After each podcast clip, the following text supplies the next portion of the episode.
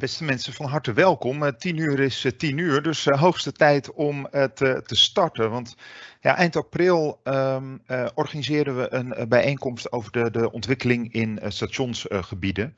En daarin spraken we over de, de, verschillende kansen die deze gebieden met zich, met zich meebrengen. En dan ja, ging het over zaken als bereikbaarheid en de ligging in de, de, de, de stad die echt ja, veel aan bod komen.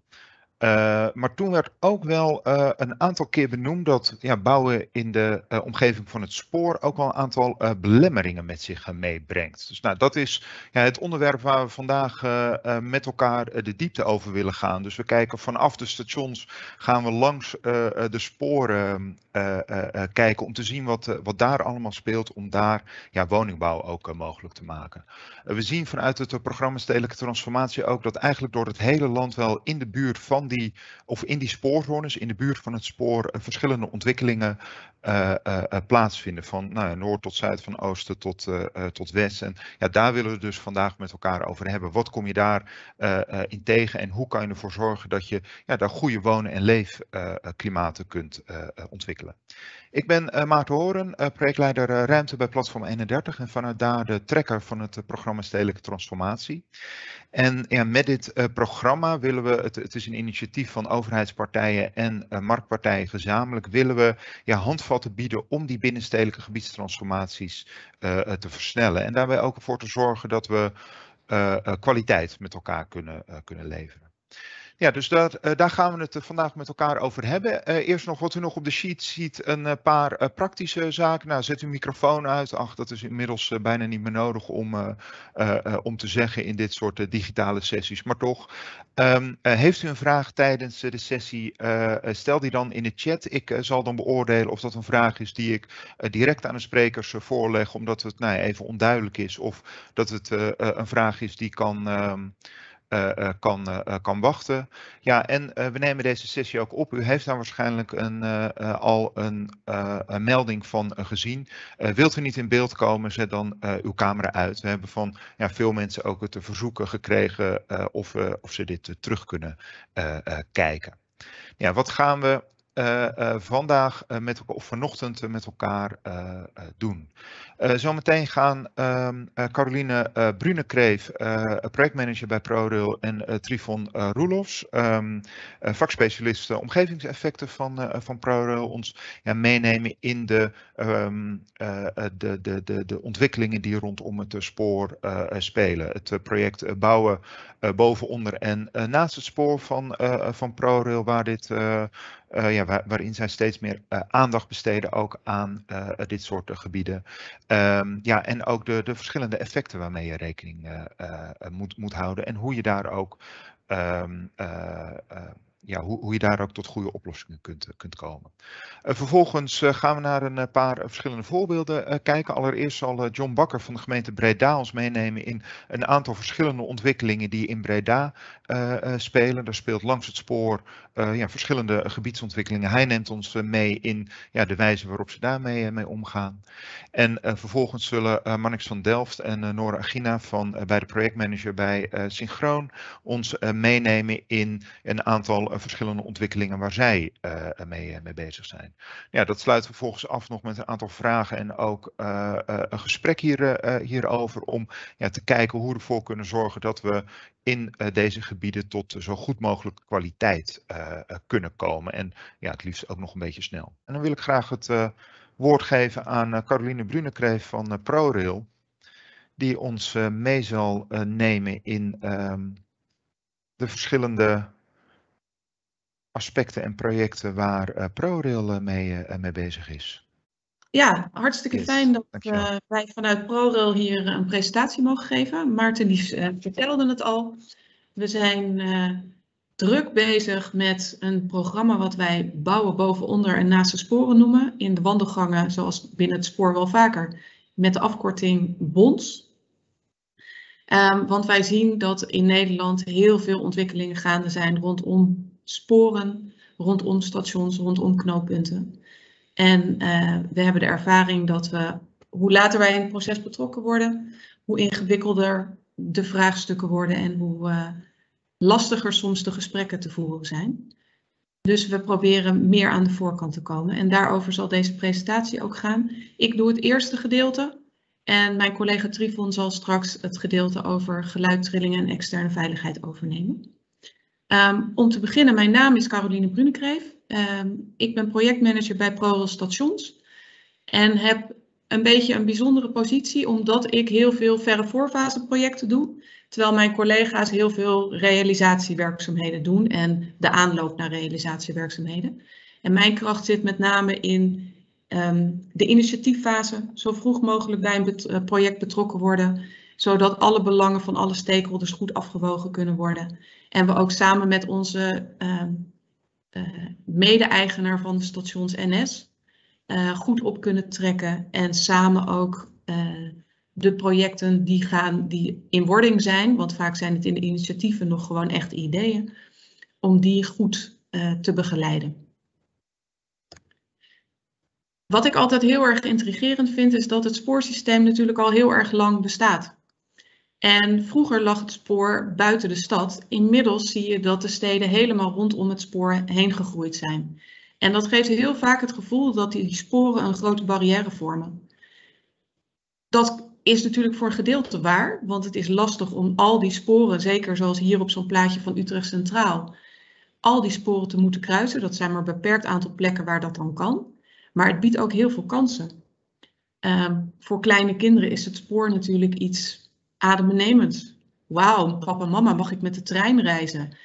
Het reizen aan zich is natuurlijk al iets heel moois. Je gaat van A naar B, je komt ergens waar je nog niet geweest bent. Of misschien gebruik je de trein wel als forens en stap je dagelijks op dezelfde plek in en op dezelfde plek uit, maar geeft het een heel vertrouwd gevoel. Dus dat spoor is veel meer dan alleen die barrière. Het biedt ook gewoon kansen. Um, het heeft kwaliteit en het heeft een waarde. Wij merken dat we met de toenemende woningbouwopgave die er is, steeds vaker worden benaderd van goh, we willen heel graag rondom dat spoor bouwen en hoe moeten we daar nou mee omgaan? Um, waar we in het verleden nog best wel eens daar dat ingewikkeld vonden, merken we dat we daar nu veel positiever tegenover staan en dat we heel graag meepraten zo vroeg mogelijk in het planproces. Want wij willen namelijk heel graag, en dat is natuurlijk ook de opgave die we vanuit het Rijk hebben gekregen, zoveel mogelijk treinen laten rijden. Maar daar zit ook een heel groot belang voor de samenleving en voor de gemeentes die uh, treinstations hebben. Want we hebben 400 stations in Nederland. Die worden door ProRail en NS samen beheerd. En um, dan is het ook belangrijk om daar gewoon de goede discussies en gesprekken met elkaar over te voeren. Want wij willen graag zoveel mogelijk reizigers vervoeren, of vanuit ProRail gezien een zo goed mogelijk, optimaal mogelijk spoorsysteem neerleggen, zodat vervoer van treinen, zowel goederen als reizigers, mogelijk is. En aan de andere kant wil je natuurlijk ook veilige en levendige stations hebben. En daarvoor is woningbouw en vastgoedontwikkeling rondom sporen en knooppunten en stations ontzettend belangrijk. Want hoe meer ogen en oren op het station, hoe meer reuring, hoe veiliger een setting is en hoe meer ook de integraliteit wordt geborgd. Daar zien we wel een paar dilemma's bij. Want je ziet dat vastgoedontwikkeling over het algemeen sneller gaat dan mobiliteitsontwikkeling. En dat vraagt nog wel eens even wat um, aandacht, om het zo maar te noemen. Je merkt dat vastgoed, als dat eenmaal gebouwd is, dan staat dat voor 50 of 100 jaar. En wij zijn binnen de mobiliteitssector goed om 10, 20 jaar vooruit te kijken. En dan vinden we het heel ingewikkeld worden. Dus het is onze opgave om verder vooruit te gaan kijken. En nu hebben we een uh, toekomstbeeld OV voor 2040 liggen, maar eigenlijk wil je al richting 2060 gaan kijken. Van goh, wat hebben wij nou aan infrastructuur nodig? Want dan kun je ook goed bepalen waar je vastgoedontwikkeling rondom die infrastructuur kan toestaan. En daarnaast heb je natuurlijk ook nog um, aspecten zoals gevaarlijke stoffen. Wij hebben een netwerk waarin verschillende uh, mobiliteitsvraagstukken samenkomen. Dus je rijdt met treinen waar reizigers in zitten, maar op hetzelfde baanvak rijden goederentreinen. En die goederentreinen hebben op sommige baanvakken ook gevaarlijke stoffen. En dat grijpt in elkaar, dat maakt uh, het uitdagend. Want op het moment dat je dan vastgoed rondom die sporen gaat bouwen, loop je de kans dat je binnen de kaders die er vandaag de dag gelden, doet wat je mag doen. En op het moment dat dan een uitbreiding van je spoorsysteem of van je goederensysteem nodig is, dat je dan opeens klem komt te zitten. Omdat je dan boven plafonds uitkomt en door de gebouwen die om je spoor heen zijn gebouwd, kan dat niet meer. En dat, daar zit ook een koppeling met wat Trivon straks gaat vertellen, want daar zitten ook um, relaties met geluid en trillingen bijvoorbeeld. Maar daar zal Trivon straks nader op ingaan. Wat we merken is dat het een complex verhaal is. Je hebt dat spoorsysteem nodig, je wil daar op investeren, je wil daar meer treinen laten rijden. Doordat je meer treinen laat rijden, kunnen ook die woningen en andere vastgoed dichter bij het spoor komen. Maar dat houdt ook in dat je meer onderhoudswerkzaamheden nodig hebt. En op het moment dat je onderhoud pleegt, dan doe je dat vaak in de avonduren. Op het moment dat er dan gewoond wordt naast het spoor, of misschien zelfs boven de sporen, kan dat weer um, wrijving geven. Want ja, ik wil graag slapen s'avonds. En dan wil ik niet een of andere slijpmachine onder mijn woning door hebben gaan. Dus dat vraagt ook om vooraf heel goed te kijken welke functies er zijn, hoe die in elkaar grijpen en hoe je daar maatregelen kunt treffen om een heel hoogwaardig leefmilieu voor iedereen uh, in de omgeving te realiseren. En dat houdt dus in dat op het moment dat we zien dat je 1 miljoen woningen in de komende 10 jaar wil gaan bouwen, dat je dat echt gewoon vanuit alle hoeken moet gaan bekijken. Want die vastgoed realiseren, dat gaat best snel. Maar die leefbaarheid erin brengen, dat vraagt veel aandacht en zorg. En zo moet je ook op investeren. En vervolgens is het dan ook van belang om goed te kijken hoe die stations gaan functioneren. Want je krijgt meer opdruk op de stations, maar kunnen die dat dan nog wel aan? Zijn er voldoende plekken om je fiets te parkeren? Kun je er nog wel goed in en uitkomen? Zijn de trappartijen nog wel breed genoeg om al die mensen op en af te laten gaan? En vooral als de treinen iedere 10 minuten rijden, hoe gaat dat dan zich verhouden? Helpt dat juist? Of krijg je zoveel tegengestelde stromen dat het toch uh, ergens gaat knijpen? En dan hebben we ook nog onze verre toekomst uh, in richting 2040 of misschien wel 2060. En hoe gaan die zich dan verhouden tot elkaar? Als wij bekijken wat we nu weten aan wat er speelt in Nederland, dan hebben we dit soort plaatjes uh, kunnen we genereren. Zo'n 130 initiatieven in Nederland die wij nu op ons netvlies hebben. En dat gaat dan echt om initiatieven in de hele vroege voorfase, waar een gemeente, soms een ontwikkelaar, een idee heeft om langs of over het spoor te gaan bouwen. En als je dan even inzoomt op het Amsterdamse regio, dan zie je dat dat rondom de stations natuurlijk plaatsvindt, maar ook wel degelijk op de baanvakken zelf. Utrecht vind ik zelf een heel mooi voorbeeld van hoe er heel dicht rondom die terminal is gebouwd. Um, we kennen allemaal het oude Hoog Katrijnen en inmiddels is dit het plaatje van waar vroeger die kruip door sluip door weggetjes waren en nu staat er een hele nieuwe frisse stationshal met een mooie overgang naar een nieuw winkelcentrum en op de achtergrond de gebouwen uh, van de stad Utrecht. En het stadskantoor is ook heel dicht tegen het spoor aangebouwd. Met als gevolg dat we als we willen gaan uitbreiden dat niet meer kan, want dat gebouw dat staat daar. Dus dat maakt ook dat we dit soort ontwikkelingen toejuichen, want het geeft ontzettend veel reuring uh, levendigheid, kwaliteit op een station. Maar we moeten ons wel realiseren dat als we willen gaan uitbreiden, dat dat niet meer aan die kant kan.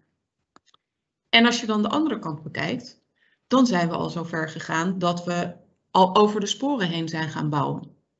Super gaaf natuurlijk, want ook dat geeft reuring en kwaliteit en leefbaarheid. Maar daar zie je ook dat je tegen zaken aan bent gelopen die je eigenlijk in de toekomst uh, eerder in het planproces zou willen tackelen. En dat gaat mij dan om de roosters die hier uh, te zien zijn langs de gebouwen. Want dit gebouw was ontwikkeld en toen uh, kwamen onze specialisten meekijken bij de vergunningverlening. En die zeiden, ja, maar ho, uh, als daar de glas wordt bewassen, dan wordt niet zomaar die treindienst stilgelegd. Die treinen moeten gewoon blijven rijden. De reizigers willen gewoon in en uit kunnen stappen en naar hun bestemming komen. En het kan niet zo zijn dat dan iemand in een bakje aan, in een glaswasinstallatie hangt en zijn spons of zijn emmer naar beneden laat vallen. En vervolgens iemand die uh, in zijn nek krijgt. Dus vandaar dat er uiteindelijk maatregelen zijn getroffen, zoals deze roosters, om dat soort zaken op te lossen. Maar eigenlijk wil je natuurlijk daar helemaal aan de voorfase, als zo'n gebouw wordt ontwikkeld, al rekening mee houden, zodat het gewoon keurig netjes ingepast kan worden en dat allemaal uh, bedacht is voordat je een vergunning aanvraagt.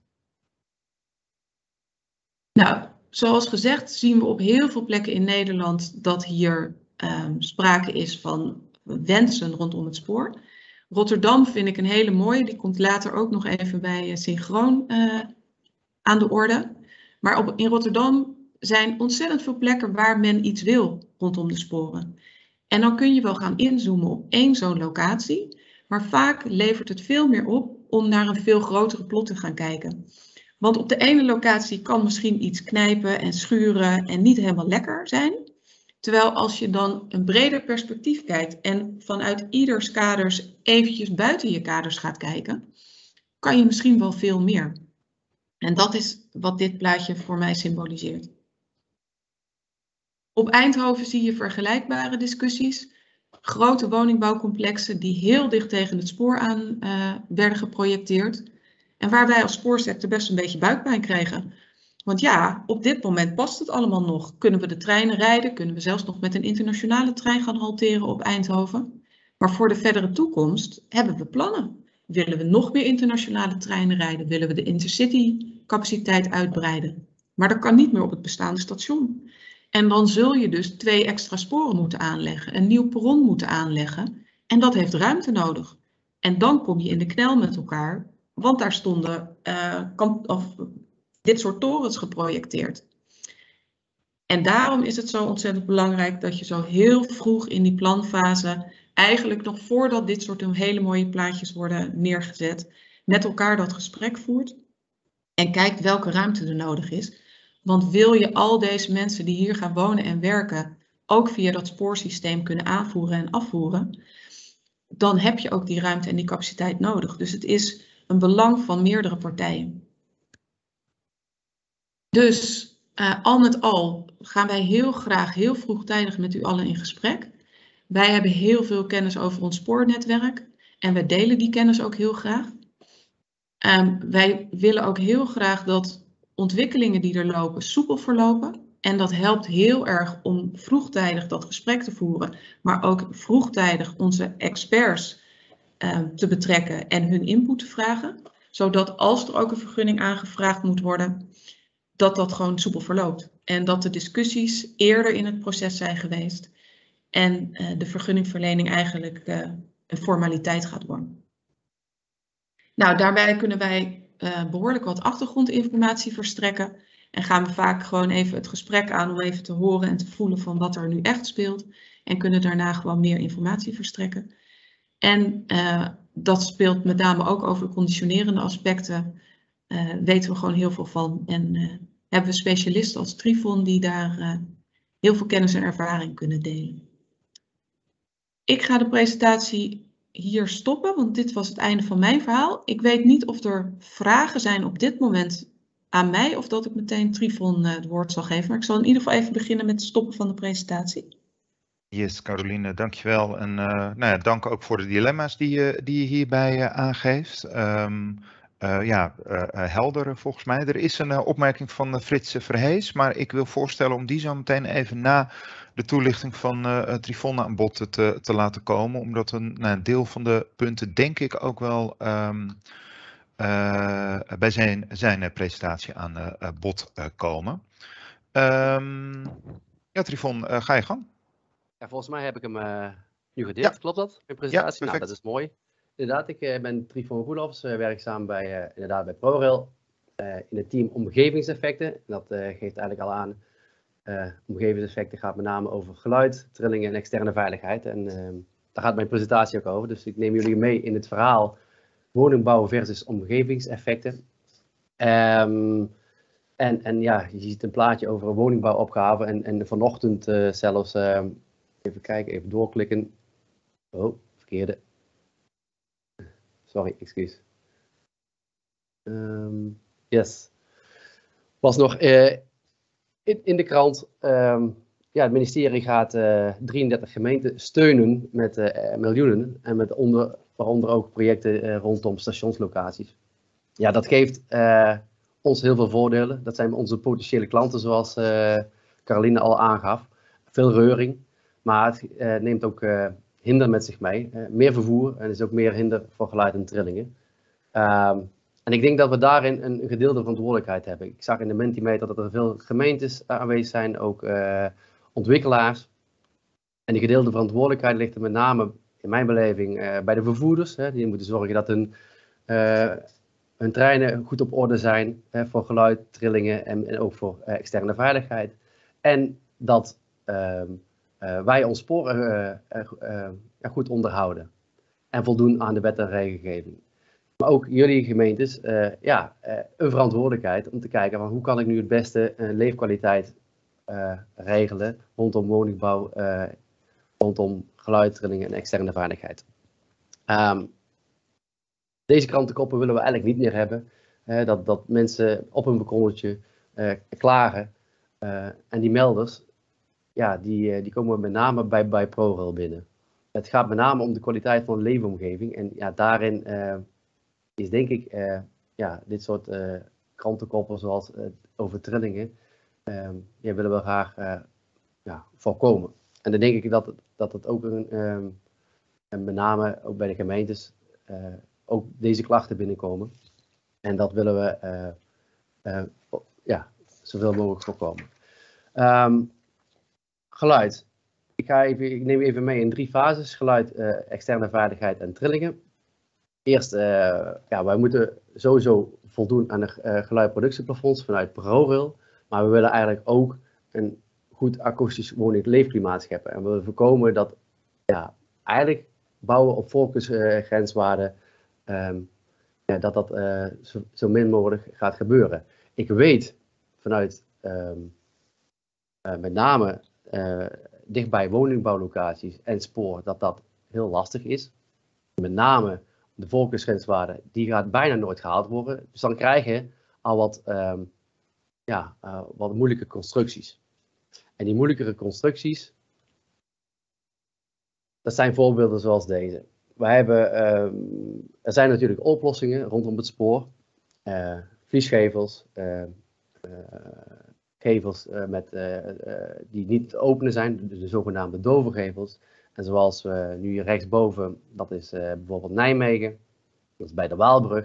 Daar hebben we nu een locatie waarbij we ja, vanuit het programma Hoogfrequent Spoor, we moeten dus maatregelen gaan treffen aan de spoorbrug.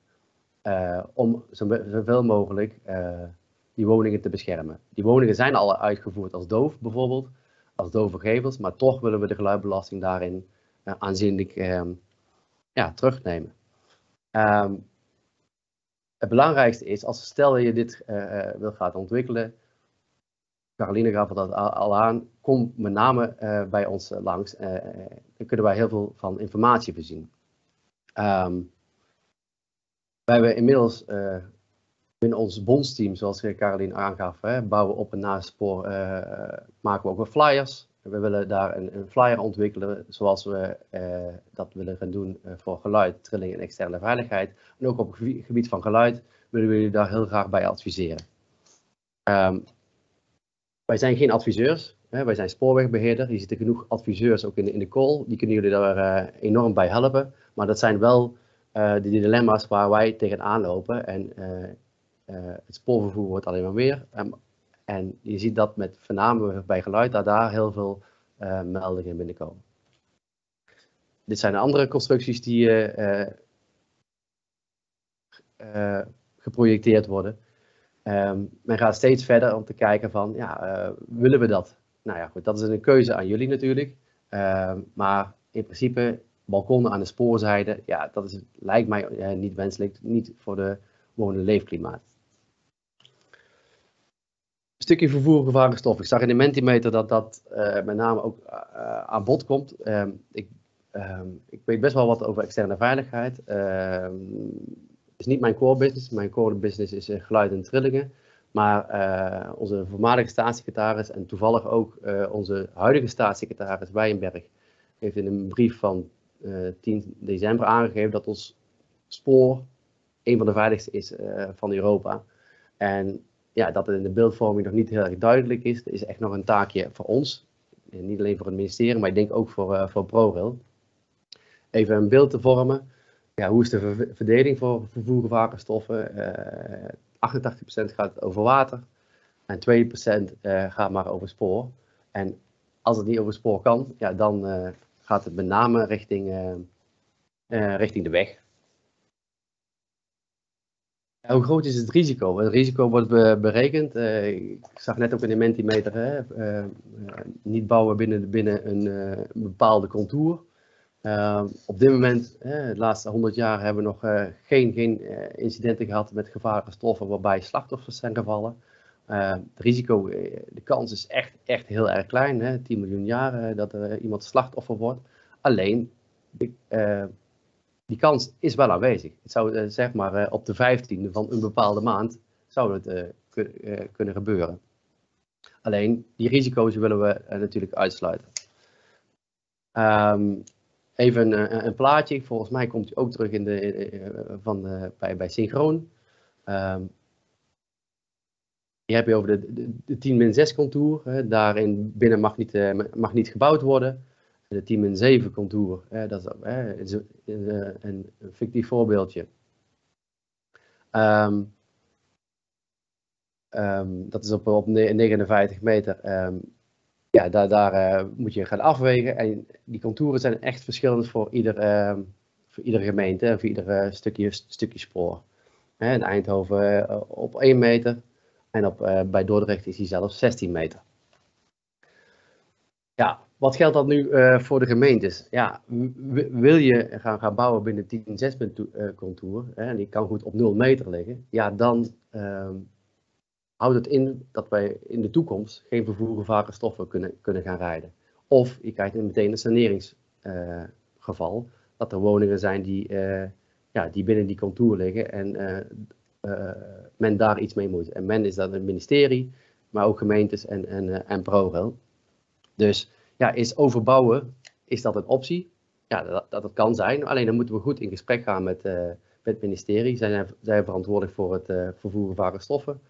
Uh, en natuurlijk de, de, gemeentes en ontwikkelaars die de initiatieven nemen. Um, ja, wat willen we de gemeentes. Nee, wat, wat, waar moeten de gemeentes sowieso wel voor doen? Nou, volgens mij kennen de meesten deze, deze regelgeving wel. Hè? Besluit externe veiligheid transportroutes, bouwbesluit of de omgevingsvergunning bouwen. En daar staat in hoe je er mee om moet gaan. Um, wat willen wij aanvullend meegeven? Ja, zoals ik al zei, willen we overbouwen uh, en bouwen langs het spoor rondom de, de, de externe veiligheidscontour van 10-6, ja, dan kan dat eventueel belemmeringen geven voor toekomstige groei van het spoor. En daarin willen we heel graag met jullie in gesprek gaan van ja, voor, wat, wat, ja, wat houdt dat in en wat zijn de kansen en de, en de risico's.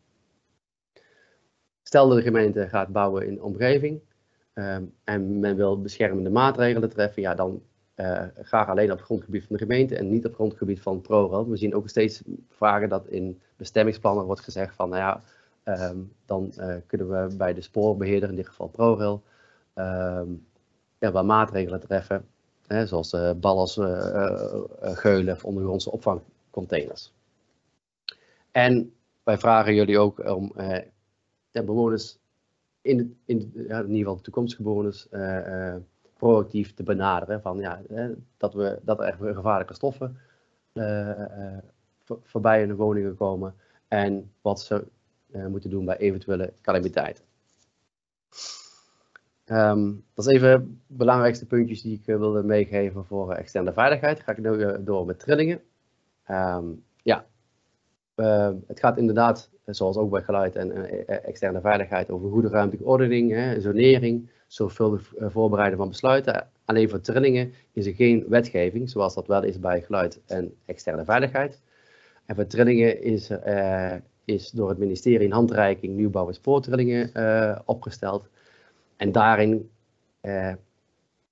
heb je handvatten hoe je het beste kunt omgaan met, ehm, ja, met, met bouwen langs de spoor. En dat kan dan in verschillende fases, hè, verschillende initiatieffases, zelfs als de structuurvisies, uh, hoe we mee omgaan, maar ook in de realisatiefase. Welke maatregelen kun je nog aan nieuwbouw treffen uh, voor trilling? We zien dat er steeds vaker licht gebouwd wordt langs, langs de spoor, wat ook weer in de toekomst um, hinder kan veroorzaken voor de toekomstige bewoners. Um, er komt nog een herziene versie, ergens in 2022. Ik zie ook enkele gemeentes die hierbij betrokken zijn geweest, zoals de gemeente Utrecht. Um, en uh, het rapport kun je in deze link, ik denk dat de presentatie nog nagestuurd wordt, maar die kun je nog, uh, nog, terugvinden. Um, het is met name bedoeld voor de gemeentes en initiatiefnemers, projectontwikkelaars, om te kijken van ja, hoe kunnen we nu het beste omgaan met trillingen. Kijken. Um, ja, als laatste uh, dia van mij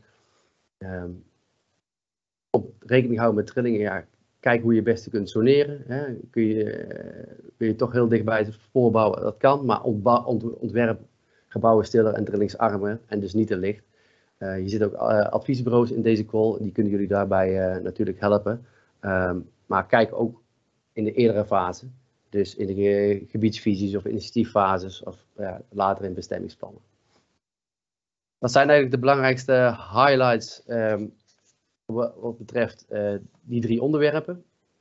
Nou ja, nog één, één punt. Nog achteraf constructieve akoestische trillingsproblemen oplossen is mogelijk. Ja, dat kan uh, als de gebouwen er staan. Maar veel lastiger en duurder. Dus neem ze graag mee in het uh, begin van het, van het proces. Laatste dia. Ja, ehm, we hebben inmiddels ook een, een e-mail. Bons.prorail.nl en um, de gemeentes kunnen met name uh, bij onze public affairs managers terecht. Die hebben veelvuldig contact met de gemeente. En uh, mochten jullie uh, initiatieven hebben, dan kun je bij hen terecht. Volgens mij zijn er best wel wat vragen, maar... Ja, Trifon, dankjewel hiervoor. En ja, bons.prorail.nl, die moet iedereen hier denk ik maar... Ehm, maar, maar opschrijven. Um, een uh, paar vragen inderdaad die in de chat zijn gesteld. Zou je even het... ja, kijk, dankjewel. Um, ja, me, eigenlijk vooral over um, vervoer van gevaarlijke stoffen gaat dat. Um, ja, hoe kunnen jullie daar uh, uh, ook iets over zeggen? Dat is eigenlijk de eerste vraag die uh, Frits Verhees stelt over, ja, dit is het inzoomen op, op locatie, maar als het gaat over gevaarlijke stoffen, dan zit daar ook een, een, een breder ja, nationaal beeld bij. hoe wordt er gekeken naar die routering van gevaarlijke stoffen? En zijn er dus nou ja, bepaalde plekken ook nog echt nodig in de toekomst of niet? Is, is daar ook al een, een beeld van? Ja, zoals Caroline of Trie, ja, nee, ik, jullie dat kan... Uh... Kan ik wel beantwoorden. Uh, ik ben niet uh, direct betrokken bij de, de ontwikkeling van de, de, de toekomstige ontwikkeling van vervoergevaarlijke stoffen. Basisnet, routering. Ik weet dat er heel veel discussies zijn geweest en ook regio-bijeenkomsten zijn geweest over dit onderwerp. Het ministerie is hier, staat hier voor aan de lat.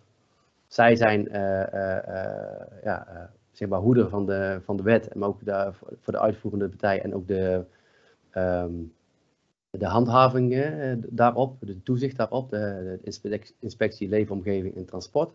Zij hebben met name over uh, gevaarlijke stoffen uh, gaan zij. Wij als ProRail zijn daarin wat meer volgend. Alleen wij, merken wel um, ja, dat er steeds meer opdruk komt rondom dit onderwerp, rondom externe veiligheid en woningbouwlocaties.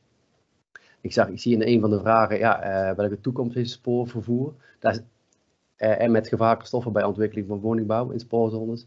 Ja, dat is nu even eh, een zoektocht die men uh, mee bezig is. Volgens mij staat er in de, is er op 10 december een brief verstuurd over dit onderwerp aan, aan de Kamer door de staatssecretaris. Ik heb, hem, ik heb een beetje schuin doorgelezen, maar dat in 2022 dat daarvoor een, ja, een duidelijkere richting komt. Hoe of wat, dat, dat, dat kan ik op dit moment niet zeggen. Ik heb net even aangestipt wat, wat de huidige stand van zaken is. Hè um, ja, waar, waarbinnen je kunt bouwen en niet kunt bouwen. En waarbij je moet afwegen. Maar um, de toekomst, uh, ja, volgens mij, de toekomstvisie daarover, die wordt uh, ja, volgend jaar uh, vervolmaakt. Ja, dus dat is dan in elk geval iets om, uh, om in de gaten te houden. En we zullen allemaal die, die, die Kamerbrief van de, de, de tiende zei, dat we die, die allemaal eventjes in de, in de gaten um, zullen, zullen houden. Um, even kijken hoor. ja, en, en de, de, de, hoe, hoe doen ze dit in het buitenland? Vraag van Job Smit. Kijken jullie daar ook naar? Even je geluid aan, Carolien. Heel goed, sorry. Ja. Beginnersfout heet dat, hè? Ja, ja, ja. Uh, in het buitenland wordt uh, behoorlijk veel over sporen heen gebouwd. Van New York tot uh, Londen en Parijs en op nog heel veel meer plekken.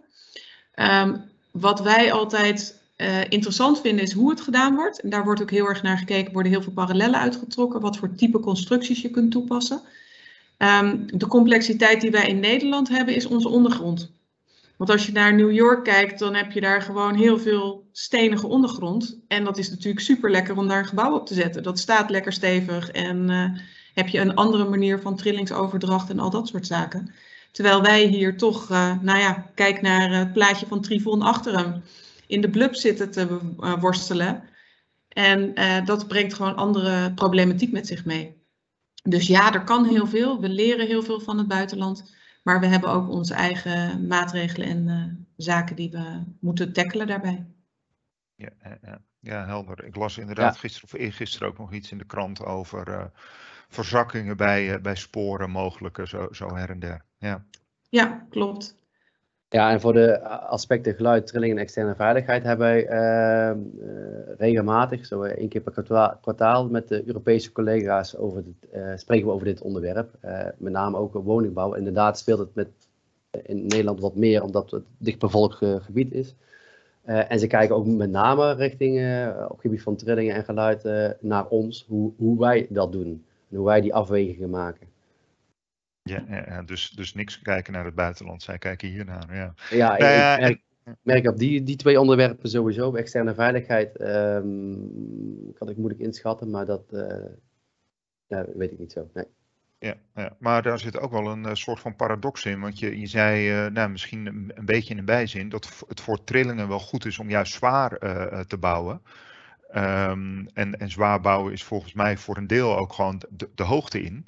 Maar zodra het over externe veiligheid gaat, uh, wil je misschien weer iets minder de hoogte in. Ja, het zwaar is, wil niet zeggen dat het meteen de, de hoogte in moet. Het kan ook uh, constructief uh, zwaarder bouwen, noem maar, maar even. dunne voorzetwandjes of, of een dikke bakstenen muur. Of, maar ook gaat ook over, over spanning. En het gaat ook over afweren van woningen. We hebben daar echt wel genoeg onderwerpen van. Uh, wil niet zeggen dat dat allemaal in, in de woningbouw, want ik vind ook zelf dat we uh, naar ons spoorsysteem moeten gaan kijken op het gebied van trillingen. Alleen daar zijn wij nu volop mee bezig.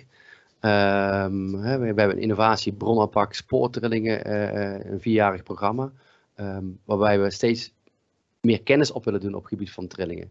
Kinder, trillingen staat daarin wat betreft nog in de kinderschoenen ten opzichte van bijvoorbeeld geluid. Ja, ja. En een, een, vraag van eh, Bert Noppers over uh, ja, inderdaad die, die, die hoge spoortrillingen. Hij vraagt, accepteert ProRail een, uh, een nieuwbouwplannen met hoge spoortrillingen? Ja, die rol hebben wij niet. Ja, die kan ik wel. Die kan ik, wij, wij, wij accepteren. die bevoegdheid hebben wij niet, zeg ik maar even. De, de acceptatie ligt echt bij, bij het bevoegd gezag. Dat is, dat is de gemeente in dit geval vaak, of soms provincie bij een provinciaal inpassingsplan. Um, of het Rijk kan, zou ook nog kunnen zijn met RC-besluiten. Maar die, daar moet de afweging plaatsvinden. En ik vind um, dat we daar uh, gezamenlijk moeten optrekken, zoals, uh, zoals wij het spoorgoed moeten onderhouden. Uh, zal ook de gemeente die afweging moeten maken van ja goed, wat wil ik voor wonen leefklimaat geven aan mijn, mijn bewoners. En ik denk dat met name de, de acceptatie bij ehm, ja, bij bevoegd gezag ligt.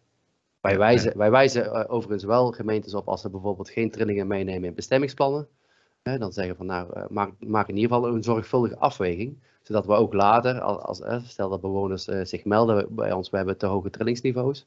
Dat we kunnen, ja, kunnen, kunnen aangeven, ja, dit is geaccepteerd door het bevoegd gezag. Ja, om ook zoveel mogelijk de krantenkoppen te, te vermijden die je inderdaad liet, liet zien. laatste vraag even voor dit moment. En een paar andere die wil ik graag naar het einde zo van de sessie even doorschuiven. Vraag van Eline Hogendoren over, ja, de, dat gaat over de, de, de verschillende aspecten Um, maar waarbij er ja, met name wordt gesproken over maatregelen aan of bij woningen. Uh, hoe zit het met de bronmaatregelen? Zijn jullie daar ook naar aan het, aan het kijken? ze noemt er ook een aantal. Ja, ja zeker. Ja, bronmaatregelen die treffen we volop binnen de wettelijke kaders. Wij krijgen ook die wettelijke kaders mee. even voor geluid moeten we voldoen aan bepaalde geluidproductieplafonds. Mochten we daarboven komen, dan moeten wij maatregelen treffen. Hè? Raildempers inderdaad wordt genoemd, maar ook, ook geluidsschermen. We zien ook dat de goederentreinen daarin ook steeds stiller worden. Die hebben ook een opgave. Het vervangen van remblokken bijvoorbeeld. Eh, van, van gietijzeren naar rubberen remblokken. Dus dat zijn eigenlijk de bronaanpassingen voor geluid. Voor trillingen is er geen wetgeving, maar ook daarin, zoals ik net zei, zijn we bezig met met name onderzoeken met onderlegplaatjes, met rubberen matten, met het vervangen van overwegen van, van beton naar rubber. Uh, nou goed, dat, dat is meer uh, vanwege de hinderrelatie, maar niet vanuit de wetgeving. En van externe veiligheid moeten we ook, waar plasbrand aandachtsgebieden zijn, moeten we ook voorzieningen treffen. Dus dat zijn eigenlijk de bron, bronmaatregelen die wij treffen, maar die treffen wij alleen maar als het moet vanwege de wet tot nu toe. Ja, helder. Um, dankjewel en dank, dank jullie wel uh, tot zover voor, uh, voor jullie toelichtingen. ja, goed om te horen waar jullie zo al mee bezig zijn en welke verschillende nou, voor, voor, hoe, hoe we ook bij jullie kunnen aankloppen om mee te denken over dit, over dit onderwerp. Um, ja, dan gaan we nu eigenlijk wat verder inzoomen op een aantal verschillende voorbeelden die er, die er zijn. Um, John Bakker vanuit de gemeente Breda. Kijk, ik zie je presentatie volgens mij al, al opkomen. Um, ja, jullie werken in Breda aan een aantal verschillende ontwikkelingen, eigenlijk in een soort ja, kralensnoer langs het, langs het hele spoor. Um, Jij eh, neemt ons eh, mee in de, uh, in de aanpakken die jullie daarbij uh, bij hebben. Ja, goedemorgen allemaal. ja, het. Maarten, Maarten, zie je mijn presentatie? Zie, ja. Is ja. Ja. ja, goedemorgen. John Bakker, gemeente Breda, afdeling Mobiliteit en Milieu, zoals het netjes officieel heet. Ehm Ehm, ik ben uh, van het begin af aan zeg maar, betrokken geweest bij uh, de spoorzoneontwikkeling. In de laatste jaren wat minder, maar heb met name en dan uh, het een en ander wel meegemaakt er rondomheen. Um, en dat is denk ik ook goed, wat, waar we vandaag ook elke keer wel op terug gaan komen, is, is toch ook de milieuaspecten die, die het belangrijkste zijn bij, bij spoorzoneontwikkelingen die we zien. En dat is toch geluid en, en externe veiligheid. Natuurlijk moet er, moet er bij omleefbaarheid te, te realiseren ook iets met luchtkwaliteit gebeuren. Nou, noem alle aspecten maar op. Maar ik denk inderdaad, kwam ook al uit de Mentimeter, maar kwam ook uit de presentatie net al waren. Uh, komt toch wel het belangrijkste dat geluid en externe veiligheid de twee belangrijkste zijn eigenlijk, zeg maar. Of hele belangrijke aspecten, zo moet ik het zeggen. Die ga ik dus ook zo meteen met jullie, met jullie even doornemen in eerste instantie eventjes misschien nog de, de oorsprong, noem ik het maar eventjes, van, van de spoorzone Breda. Dat is namelijk dat wij met de komst van de HSL ontstonden er natuurlijk veel kansen, HSL Zuid in dit geval, ontstonden natuurlijk veel kansen voor de, voor de stations in de omgeving. Breda werd ook aangewezen als een van de sleutelprojecten in, in Nederland, net als Utrecht, Centraal, Den Haag Centraal en onder andere ook Rotterdam Centraal. Um, nou ja, dat betekent dat wij een, in Breda een mooie uitdaging kregen om, om het een en ander te gaan doen. Um, uiteindelijk hebben we de, de kans waargenomen om, en daar zien jullie met name het, het, het ja, wat is het, rood-oranje gedeelte, het stationskwartier zoals het hier netjes heet. dat is eigenlijk het, het gebied van, van het, het sleutelproject. Alleen wij hebben als Breda ook de kans gezien om de omliggende spoorzone, zeg maar. En daar zijn de twee bestaande buurten. dat is Belkrum en de, en de spoorbuurt. En de drie, of de, even kijken, twee, vier, vijf andere eromheen, die, die zijn, we hebben kans gezien om daarmee ook een, een boost te geven. En dat het dus niet alleen maar beperkt bleef tot die ene gebiedsontwikkeling van, van het NSP, hè, het sleutelproject, nieuw sleutelproject, de stationskwartier. Maar dat we er een hele spoorzoneontwikkeling van konden maken.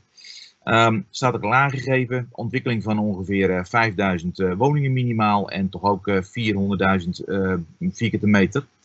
Um, totaal ongeveer 160 hectare. Nou, toen wij dat um, voor elkaar kregen, werd er een projectorganisatie opgericht. En kreeg ik de vraag om vanuit toen nog de afdeling Milieu, om daarbij aan te gaan sluiten. Dan ga je denken van jeetje, maar hoe gaan we dat doen? En, en welke aspecten zijn nou eigenlijk belangrijk? Uh, nou, daar ga je ze allemaal eens even langs. Welke milieuaspecten hebben we nou eigenlijk allemaal? Bodemverontreinigingen kwamen natuurlijk voor. Je moet iets met luchtkwaliteit, wat ik al zei. Maar goed, dan kom je toch met name op externe veiligheid en op uh, geluid, dat toch twee hele belangrijke aspecten zijn. Um, Trifon gaf het al aan. De kans op het overlijden bij een, eh, een ongeluk met externe veiligheid, uh, nou, dat valt eigenlijk wel mee. Hè? Dus je kan beter eh, niet gaan autorijden, maar eh, beter eh, langs het spoor gaan wonen, zou je in dit geval zeggen. Um, maar nogmaals, en dat zou je, als je dit plaatje ziet, zou je ook zeggen van, goh, is eigenlijk misschien best wel handig. Dit jongetje heeft in China een, een, een plastic zak met LPG achter op zijn fiets. Nou, ehm, ik denk dat als we dat in Nederland zouden doen, dat je acuut van de weg gehaald wordt. En dat ze met heel, misschien zelfs de EOD er wel bij gehaald wordt. Want ja, zoals we weten, eh, LPG is nou niet het beste goedje om achter op je fiets. En zeker niet ook in, in een plastic zak te vervoeren. Um, weinig ruimte. Dat geeft ook een, bijvoorbeeld in Vietnam al aan. Ik weet niet of ze daar op dit spoortje ook uh, stoffen vervoeren. Maar ja, dat weet je maar nooit. Um, maar goed, daar gaan ze er misschien met anders mee om. Nogmaals, ehm, de risico's die, die worden blijkbaar wat lager ingeschat. Maar als je dan dit plaatje ziet, en dit is een plaatje van Viareggio in Italië, dan zie je dat de kans dat er iets gebeurt misschien heel erg klein is, maar de gevolgen, afhankelijk uiteraard van waar het gebeurt, best wel groot. want in Viareggio, Italië, zijn tientallen doden gevallen bij een, een trein met onder andere LPG erin die, eh, die on, eh, ontploft is. En de ravage is, eh, is zo, zoals u ziet groot. En het leek niet te overzien met, met tientallen dodelijke slachtoffers helaas. Nou, dan denk je van, goh, het is dus toch wel heel belangrijk om die externe veiligheidsverhalen is, is goed in beeld te krijgen. En wat gebeurt daar nu? En kijk vooral niet naar de tekst, maar het ging mij met name om het plaatje. Uh, mensen, die ambtenaren die zich heel druk maken om van, joh, kijk uit wat je aan het doen bent, want hier moet je eigenlijk niet al te dichtbij gaan bouwen. Um, maar een, een, een stedenbouwkundige onder andere, die zegt ja, maar, en ook trouwens een, gewoon vanuit de versterkingsopgave, hè, knooppuntontwikkelingen, um, niet alleen de, gemeentelijke, maar ook de provinciale en vooral ook het Rijk zich geeft dan aan van ja, maar we willen eigenlijk toch wel rondom die knooppunten gaan ontwikkelen. Uh, en dus moet je het een en ander gaan doen. En een, uh, een, burgemeester die vervolgens ook nog zegt van ja, dat is leuk, maar ik wil het, of tenminste het college in zijn algemeenheid, ik wil het ook nog wel veilig hebben. Uh, nou, dan, dan gaat externe veiligheid gaat, gaat rollen, om het maar eventjes zo te zeggen, in de hele planontwikkeling. En um, zijn we in contact gekomen. Dat was op zich wel vrij makkelijk om, door, voor ons om in contact te komen natuurlijk, omdat we een van de sleutelprojecten waren. In contact gekomen met onder andere het Rijk, Um, uh, en hebben wij uh, gezegd van ja, uh, prima dat wij een sleutelproject zijn, maar we willen het ook zo veilig mogelijk doen. En dat betekent dus ook dat we met u in overleg willen. Een position paper, zoals het netjes heet, in, opgesteld. En nou, de bewoordingen staan er al duidelijk bij. Maximale benutting van de Betuwe-route willen, wilden wij toen al proberen afgesproken te krijgen. Niet onlogisch, want daar is die volgens mij speciaal voor aangelegd. Um, op korte termijn uh, ook uh, aan, de, aan de bronkant. Hè. Um, um, verbeterde treinbeveiliging, maar ook bijvoorbeeld crashbuffers, LPG en brandbare vloeistoffen niet te dicht bij elkaar in een, in een trein. nou, allemaal dat soort zaken aan de bronkant proberen te regelen. Uiteindelijk moet dat leiden, wat onze moest dat eigenlijk leiden, en dat moet eigenlijk nog steeds leiden tot dit plaatje. Een goederenruit Zuid-Nederland hebben we hem genoemd. Waarbij we zeggen van uh, natuurlijk weten we dat we externe veiligheid uh, en vervoer stoffen over het spoor hebben. Maar doe dat nou vooral over spoor, goederensporen. waar die het meest geschikt voor zijn. Onder andere bijvoorbeeld een Betuwe-route. Doe dat nou zo min mogelijk door de stedelijke centra heen. Bijvoorbeeld in dit geval door de, over de Brabantroute door Breda, Tilburg, Eindhoven enzovoorts heen. om te voorkomen dat je nou ja, nogmaals, uh, als er iets fout gaat, dat de, de kans daarop nog alleen maar kleiner wordt gemaakt. Ik ga eventjes terug naar het vorige plaatje nog, want de drie foto's, uh, ze zijn wat klein, anders passen ze niet op de sheet.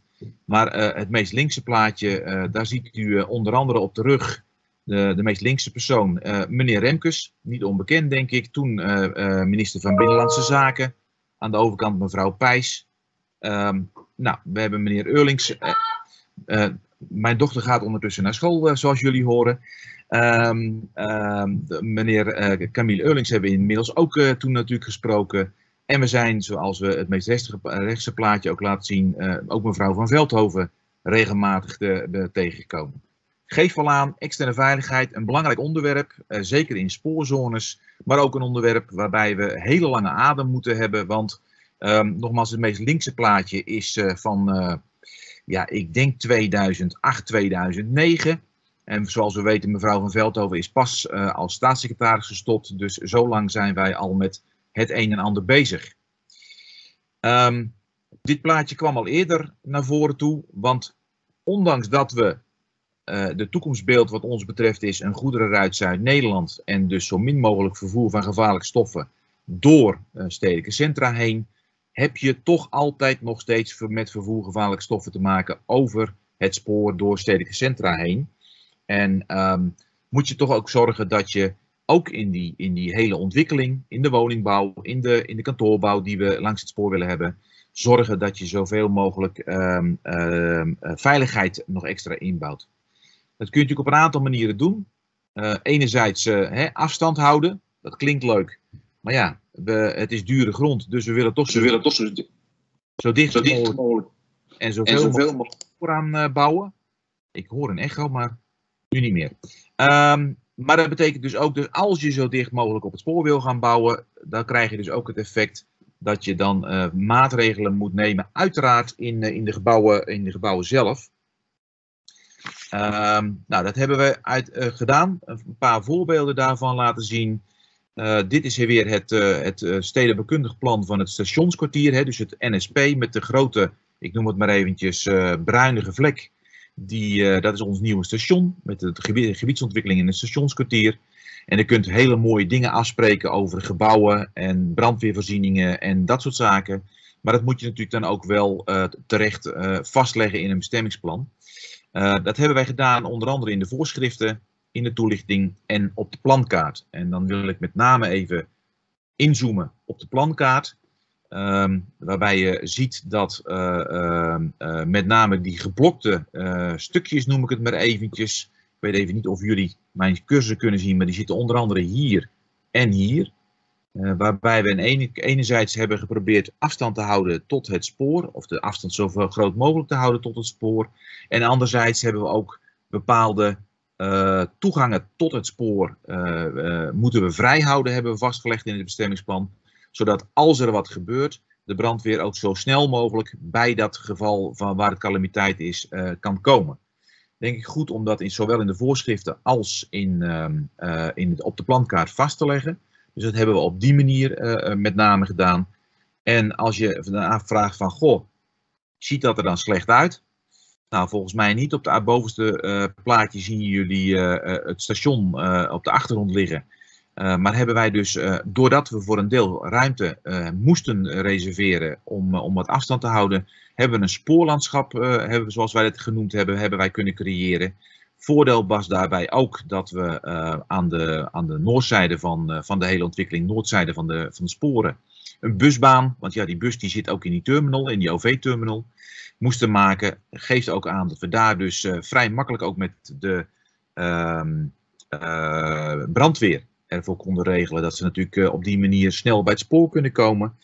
Ehm, nou, andere brandvoorzieningen, zowel dus op deze manier enerzijds afstand houden, anderzijds zoveel mogelijk met brandkranen, met zorgen dat de brandweer, als er wat gebeurt, zo snel mogelijk bij het spoor kan komen. Maar ook brandwerendheid van gebouwen, openingen zo klein mogelijk houden. Op die manier proberen wij dus in, in Breda ehm, de externe veiligheidsproblematiek zo ja, laag mogelijk te krijgen, zeg maar. We zijn op dit moment nog steeds, en dan sluit ik dan daarmee het, het externe veiligheidsgedeelte wat mij betreft af. Ehm, we zijn ze nog steeds met ehm, het Rijk in gesprek over van die goederen uit Zuid-Nederland. Uh, want nogmaals, wij zouden het liefste zo min mogelijk vervoer van gevaarlijke stoffen door de stedelijke centra hebben. Maar met name over spoorlijnen die daar beter voor zijn. Onder andere bijvoorbeeld een Betuwe-route.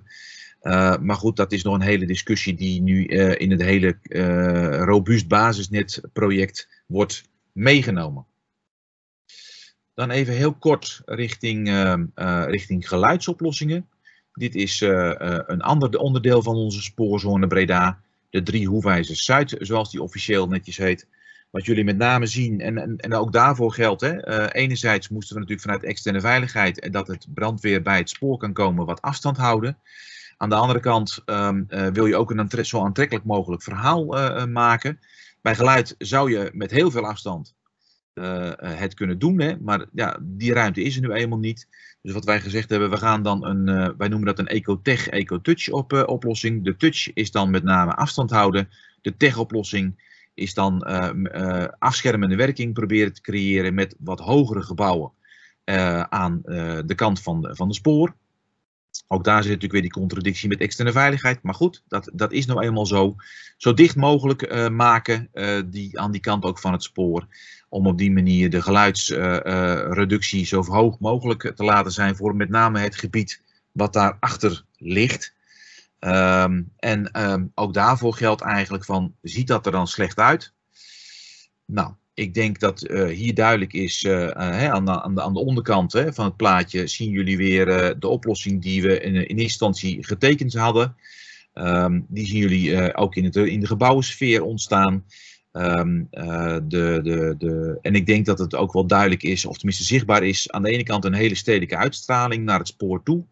Aan de, aan de zuidkant van de onderkant van het plaatje toch ook wel heel veel geluidsluwe ruimtes hebben we proberen te creëren op die manier. En die zijn ook gelukkig gelukt. Daarbij hebben we natuurlijk één voordeel. Dit ligt aan de zuidkant van, van het spoor. En dat betekent dus ook dat we de balkons en dus de woonkamers van de appartementen aan de zuidkant en dus lekker in het zonnetje kunnen maken. Um, zit je aan de noordkant van het spoor, wordt daar een andere, moeilijkere oplossing. Dat is ook mede de reden waarom het, uh, waarom het langer duurt om aan de noordkant van die, van die spoorlijn uh, te gaan bouwen. Uh, omdat we gewoon um, ja, wel een zo aangenaam mogelijk woonklimaat willen creëren. En dat is wat lastiger als je aan de noordkant je balkon hebt zitten, want dan heb je zo weinig zon. Um, dus betekent het ook wel dat je daar extra maatregelen moet nemen.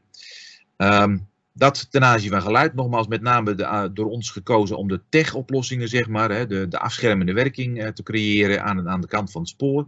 Zodat je aan de, aan de zuidkant, of tenminste aan de andere kant, uh, een geluidluwe ruimte en dus een aangenaam woonklimaat kunt creëren. Um, als laatste, zijn we klaar? Nee, zeker niet. Dit is een plaatje, jullie zien daar boven het gerechtsgebouw staan. Maar met name ook de, de foto naar de andere kant toe. Dit is het oude CSM-terrein, het Zoet, zoals het tegenwoordig heet. 26 hectare die we nog uh, kunnen en mogen uh, en moeten gaan ontwikkelen.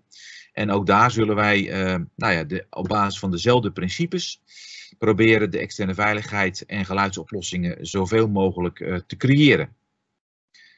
Een tour de horizon, Maarten, door het verhaal Breda heen. Ja, John, dankjewel. Um, ja, mooi, mooi om te zien hoe jullie hier op verschillende manieren mee bezig zijn. Met ook de EcoTouch en de EcoTech uh, uh, oplossingen daar, uh, daarbij. Aardig om die, die verschillende benaderingen ook te zien.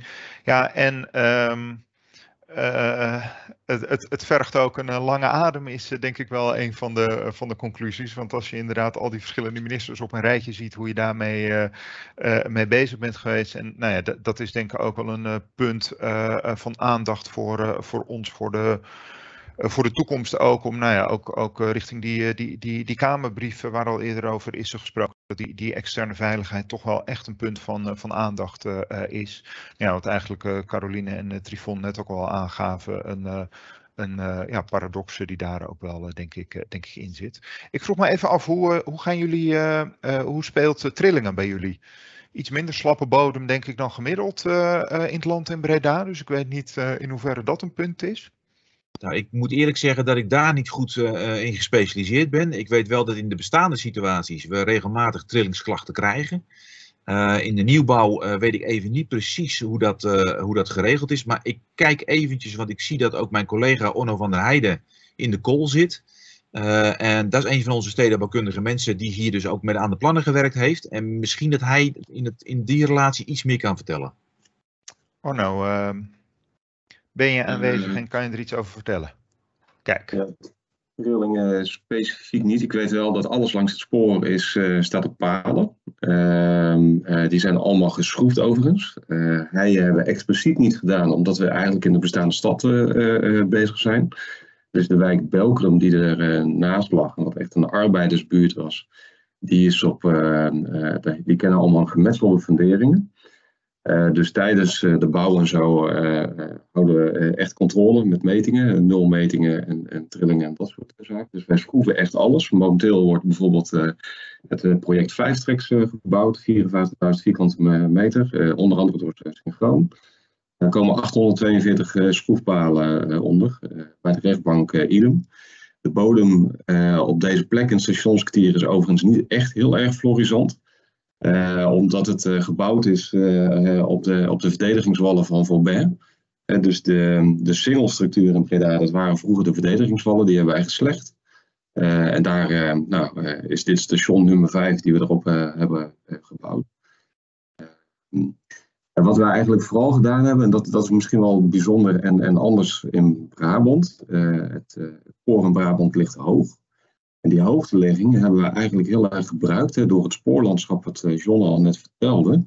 Um, om eigenlijk een, een, een landschappelijke benadering te kiezen. Om uh, geen achterkanten langs het spoor te creëren. Um, we hadden vroeger een laag spoor. Daar stonden altijd uh, fabriekshallen aan het spoor. die stonden eigenlijk met een voorkant naar het spoor toe, vanwege transport. Met het hoogspoor is dat veranderd. En wij zijn dat eigenlijk weer terug aan het veranderen door dat spoorlandschap te, definiëren. Die is ook om, in de omgevingsvisie die door de Raad uh, zes weken geleden is vastgesteld, uh, opgenomen. En het spoorlandschap geldt tussen A16 en de A27, dus voor heel Breda. En wat we daar eigenlijk in zeggen is dat op het moment dat je Breda binnenkomt, dat we dat niet via achterkanten willen, uh, willen doen, maar dat je er eigenlijk een beleving van de voorkant hebt. Dat is een van de vijf grote inprikkers de stad in. 347.000 mensen per dag langs rijden en 45.000 uitstappers. Dus uh, dat is een kwaliteitsslag die we hoog in het vaandel uh, hebben. Maar wat we daarmee vooral doen met het uh, hoogspoor, daaraan begin ik erover. Dat ligt ongeveer 4 meter hoger dan, uh, dan het maaiveld. En op zijn Brabants, alles wat lelijk is, ehm, hebben we eigenlijk onder een landschap weggewerkt. Dus alle parkeren, alle nutsvoorzieningen, alles wat je niet eigenlijk in je openbare ruimte wenst, hebben we gewoon op maaiveld georganiseerd en daar een park overheen getrokken. Uh, voor het stationskwartier heb je dan een park van om en nabij de 3,5 hectare. Uh, dit zit bij verschillende projecten. Um, en in de, in de projecten die ernaast ligt, nou, dan, dan, dan loopt het, gaat het, hebben we het net een beetje anders opgelost, zou ik maar zeggen. Maar wat het kenmerk is, inderdaad, gewoon een park maken met volle bomen, eerste orde bomen. En we hebben daar een masterplan coulissenlandschap voor gemaakt, die we door de raad hebben laten vaststellen. Om al die projecten daarin, die kwaliteitslag, dus eigenlijk van een, nou ja, uh, laat ik maar zeggen, een, toch vrij technocratische wereld, hè, langs het spoor, uh, geluid, trilling en dat soort dingen, eigenlijk een kwaliteit te maken. En dat onderscheidend te laten zijn voor de, voor de ontwikkeling van het, uh, van het stationskwartier. Mooi, uh, mooi om te horen. En uh, ja, mooi hoe je daar een uh, kwaliteit van maakt en dat je je als treinreiziger ook welkom voelt in, in, in Breda. Um, dank jullie wel voor, voor deze toelichtingen. En dan wil ik nu graag doorgaan naar Marnix van Delft van Synchroon. Die zal ons meenemen in een aantal verschillende projecten waar zij in. Um, waar vanuit de synchronen aan, uh, aan werken in het uh, land. En Nor Agina, collega van hem, die zal wat nader inzoomen op project in Utrecht. Marnix, mag ik jou het woord geven? Ja, dankjewel Maarten. goedemorgen allemaal. nou, wij zullen, Noor en ik zullen iets vertellen vanuit de projecten die we doen, hè, onze ervaring met uh, langs het spoor. Um, nou, Onno en John die hadden het al over hè, vlakbij Breda, Five Tracks. Nou, dat is een van de projecten waar wij actief zijn. Dus um, u zag uh, bij uh, John de, het lege veld, hè, vlakbij de, bij de rechtbank. Nou, daar zijn wij een plan aan het ontwikkelen. Um, nou, en zo zullen we nog een aantal plannen toelichten. Ik ben regiomanager in Zuid-Holland en eigenlijk meer in de initiatieffase van projecten betrokken. Uh, en Noor is projectontwikkelaar en die doet het, uh, onder andere het project Wisselspoor. Hè, en is ook veel meer uh, betrokken bij de technische uitwerkingen en de oplossingen van alle problemen die in dat project spelen. Dus zo hebben wij ook een beetje de presentatie opgebouwd. Ik zal kort iets vertellen over een aantal projecten en dan iets meer op hoofdlijnen blijven. Hoe, waar we tegenaan zijn gelopen. En Noor gaat wat dieper in op de, op de oplossing. Even kijken, dan ga ik nu proberen te delen.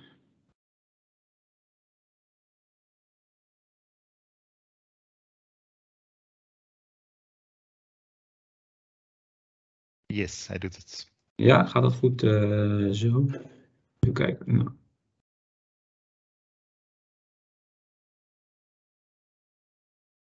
even kijken. Oh ja, nou, dus de, urgentie is denk ik wel duidelijk. Hè, een heleboel spoorgebieden, hè, gebieden die ook door de loop van de tijd in de stad zijn komen te liggen. En waar we een uh, grote verdichtingsopgave opgave zien.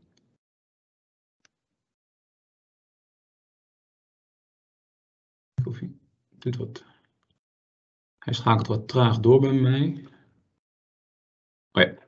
Dus hier een beetje een, verschillend aantal soort gebieden. Hè. Dus je hebt nu heel veel stations. Hè. Uh, dat zijn natuurlijk altijd weer andere opgaves dan meer bedrijventerreinen hè, die toevallig langs het spoor liggen.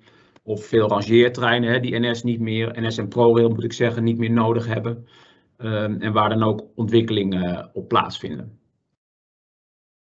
Nou, misschien heel even kort wie wij zijn. Hè. Synchroon is een uh, gebiedsontwikkelaar, een risicodragend gebiedsontwikkelaar. Hè. We zitten met een man of 60 zitten wij uh, in Utrecht op het station. Dus wat Caroline ook zegt, er zijn echt ook hele aantrekkelijke plekken. Ik woon, ik woon zelf in Rotterdam en ga dan met het openbaar vervoer naar kantoor als het kan. Um, en dan loop je zo het station uit, het, uh, het kantoor in. Nou, dat is echt wel heel fijn. En, en ja, zo'n omgeving heeft ook een hele goede, goede dynamiek. Dus daar, uh, nou, prettig om te verblijven. Nou, hier ziet u een foto van het team. Zijn we naar Nijmegen geweest en hebben we de Ooipolder bezocht in, met, staats, met Staatsbosbeheer. Waar wij dagelijks ons bed voor uitkomen is het maken van mooie projecten en gebieden. Hè, die een positieve impact hebben. Dat is eigenlijk waar, um, ja, waar je ons voor wakker kunt maken. En dat doen we in dit soort opgaven. Hè. Dus echt hele binnenstedelijke opgaven in de stad. Hè, maar ook meer aan de randen van die stad, die opgaves uh, en grote gebiedsontwikkelingen. Nou, we zijn onderdeel van uh, TBI. Hè, dat is een, een groep van uh, zelfstandige, zeg maar 20 zelfstandige bedrijven die allemaal met de bouw en ontwikkeling te maken hebben. Nou, vanwege de tijd ga ik snel over naar de naar de projecten waar ik over, uh, wat ik over wil vertellen. Het eerste project begint nog relatief uh, eenvoudig. Hè. Het project uh, Wit in Woerden. eigenlijk ligt eigenlijk vlakbij het station. Dit, is, dit is eigenlijk al gerealiseerd en dit is dan het project Wit. Ongeveer 75 appartementen en ongeveer 20 grondgebonden woningen. Wat we hier hebben gedaan, het spoor zie je natuurlijk al, al liggen. Wat we hier ten eerste hebben gedaan is de appartementen als buffer hè, laten zorgen voor, eh, voor geluid uh, voor de grondgebonden woningen. En wat hier bijvoorbeeld speelt is, we zitten vrij dicht bij het spoor. Hè, dus waar je normaal met een externe glazen wasinstallatie de woningen, de appartementen kan bewassen, kan dat hier niet. Hè, want die kan dan weer omvallen op het spoor. Nou, daar, dat is natuurlijk een van de dingen waar ProRail heel erg op let dus je, je ziet ze hier nog niet op de daken, maar dus daar komen ook bewassingsinstallatie op al die appartementen. Nou, zomaar een, een uh, voorbeeld. Uh, bijvoorbeeld de, de, de woningen aan het spoor hè, zijn allemaal dove gevels hè, door de geluidsbelasting. En ook de zijkant, hè, de, de buitenruimtes. Kijk, wat, wat je altijd hebt is um, tot 58 dB heb je een soort voorkeurswaarde. En dan heb je nog een hogere grenswaarde die de gemeente mag vaststellen tot 65 dB. En daarboven moet het doof zijn. En, er zijn, en dat om het makkelijk te maken hebben allerlei gemeenten nog verschillende eisen ten aanzien van een geluidsluwe gevel per appartement. dus die maken we hier dan bijvoorbeeld om de hoek. en ook daar zijn dan weer extra voorzieningen getroffen. Um, trillingen speelden hier niet. De eerlijkheid gebied te zeggen dat we net boven de grenswaarde uitkomen. Um, of boven de voorkeurswaarde. Hè, maar dat zijn nog geen harde regels. Dus hier hebben we, um, nou, hier, hier, hebben we uh, gezegd dat dat toch uh, uh, goed moet gaan. En dan zien we dat we hè, ook op maaiveld, hè, dat is uiteindelijk toch heel belangrijk hoe we daar een heel mooi groen en aantrekkelijk woonmilieu maken. Dan gaan we alweer een tandje ingewikkelder. Hè? Het, eh, project waar eh, John en Onno ook over spraken. Um, kijk, dus hier ziet u het station in Breda, het, nieuwe station. En hier is eigenlijk ons, die drie blokken, is ons project Five Tracks, hè, waar de gemeente een tender voor heeft uitgeschreven. Die wij hebben gewonnen, alweer een jaar of, nou, ik denk vier, vijf geleden. Dus ook voor ons zijn die doorlooptijden best lang. Uh, het is nu net begonnen met het uh, project. Hè, dus het bestaat uit een hotel, ongeveer 170 woningen en 16.000 meter kantoor. En uh, wat Onno net ook al zei, hè, dat, dat, kan je hier niet helemaal zien, hè, maar het, het hele gebied achter de kantoren staat op een parkeer, parkeerbak, ehm, die dan zo tegen het spoor aankomt. Ehm, waarbij we eigenlijk een soort van dubbel maaiveld hebben, hebben gecreëerd. Uh, wat we hier hebben, waar we hiermee te maken hebben, is um, nou, bijvoorbeeld, even denken, uh, externe veiligheid. Hè? Um, het zit op binnen 30 meter van het spoor. kan een zogenaamde plasbrand, hè? dus kan een trein in, in, de, in de brand, kan in de brand, noem dat, gaan branden. En dan zit er een hotel hier zo, dus dan moeten allerlei extra vluchtroutes hè, worden gezocht voor de, voor, de, voor de bezoekers van het hotel. Um, nou, je ziet hè, de buitenkant zijn allemaal weer dove gevels. Uh, en we hebben daar eigenlijk een heel gedetailleerd uh, model gemaakt, samen met de geluidsadviseurs ook. En eigenlijk per woning, hè, dus aan de buitenkant, aan die, ehm, hebben we een andere geluidsoplossing moeten kiezen. Hè, en, ook het, en ook wat ook altijd een discussie is met gemeenten is van die geluids, de geluids, elke woning moet een geluidsluwezijde hebben. en hoe ga je dat oplossen? Um, en uh, dat is ook een, ja, daar zit ook een stuk uh, overleg in hè, om zoveel mogelijk kwaliteit te, te creëren. Um, nou, trilling is hier geen, geen probleem, want die gebouwen hebben voldoende, voldoende massa van zichzelf. Hè, dus daar, dat gaat dan weer even, uh, dat gaat hier dan, hier dan goed. Um, nou ja, en het, kijk, eigenlijk is het, is het plaatje omgekeerd. Hè, dus je ziet dat waar Onno het net over had, dat de hoefijzers is aan de goede kant van het station. Hierbij natuurlijk te maken ook met, uh, met, de, met de, ja, de bezorging zit eigenlijk aan de verkeerde, verkeerde kant. Hè. Dus um, nou goed, dat zijn allemaal opgaves die, uh, die je oplost. Hè. Zoals ik zei, we zijn hier begonnen. En dan gaan we dus ook die 16.000 meter kantoor gaan we op risico bouwen. en daar nou, hebben we vertrouwen in dat we daar de loop van de tijd, als de, de ontwikkeling verder gaat, dat we die kunnen, goed kunnen invullen.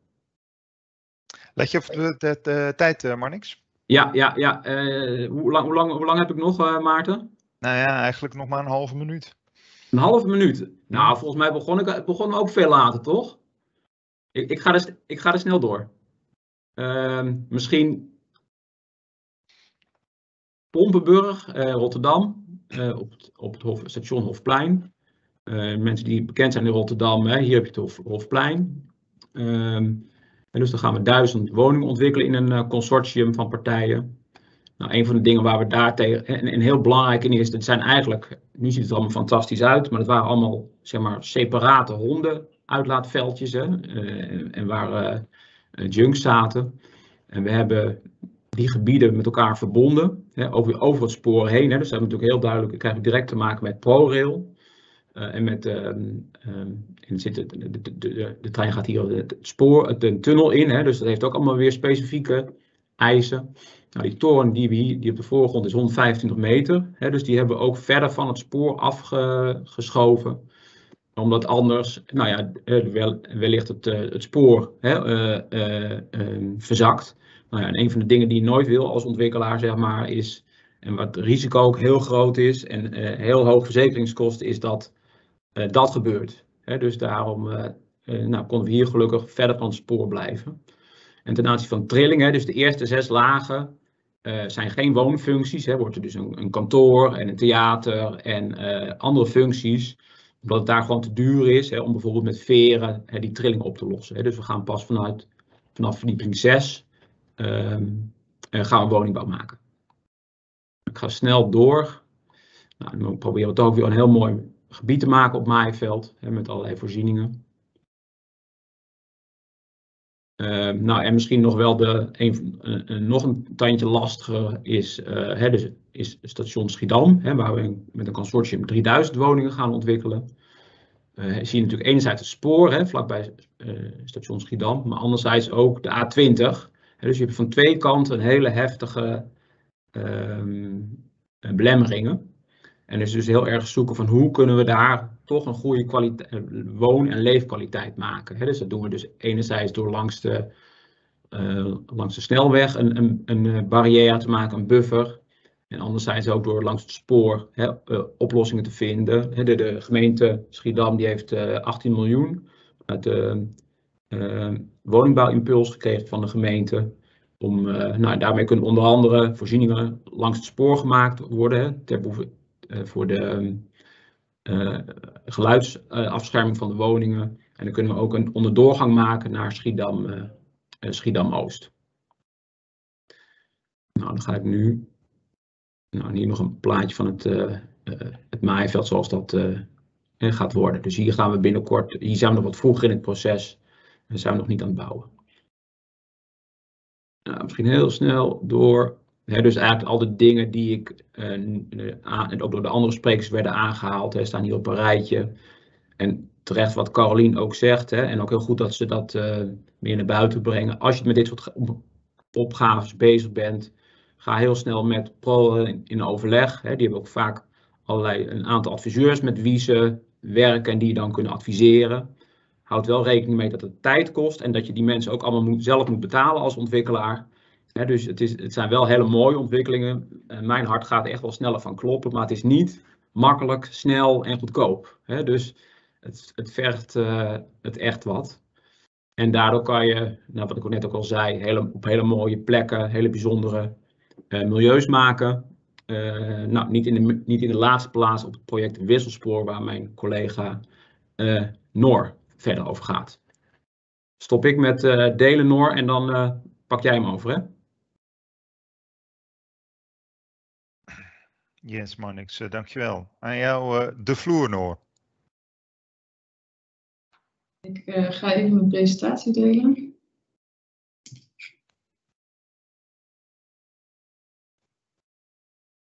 Yes, als het goed is, zien jullie mijn scherm. Ja, klopt. Oké. Okay. Uh, goedemorgen allemaal. Ik ben uh, Noor Agina. Ik ben uh, projectontwikkelaar bij Synchroon en ik werk onder andere aan project Wisselspoor in Utrecht een uh, project uh, op grondgebied van de NS, waar we uh, eigenlijk in eerste instantie zijn begonnen met een tender van deelgebied 1. Dus dat is ja, het meest aan de onderzijde gepositioneerde plangebied. Daar zijn we nu ook echt al aan het bouwen. Er worden 122 woningen gebouwd. En we zijn nu ook bezig samen met de NS met de ontwikkeling van deelgebied 2 tot en met 4. Um, nou, zoals ik al zei, we zijn begonnen met deelgebied 1. Um, ehm, nou, daar zit ook een aantal bestaande panden in. Dus hier een, eh, een plaatje van uh, de bovenbouwwerkplaats.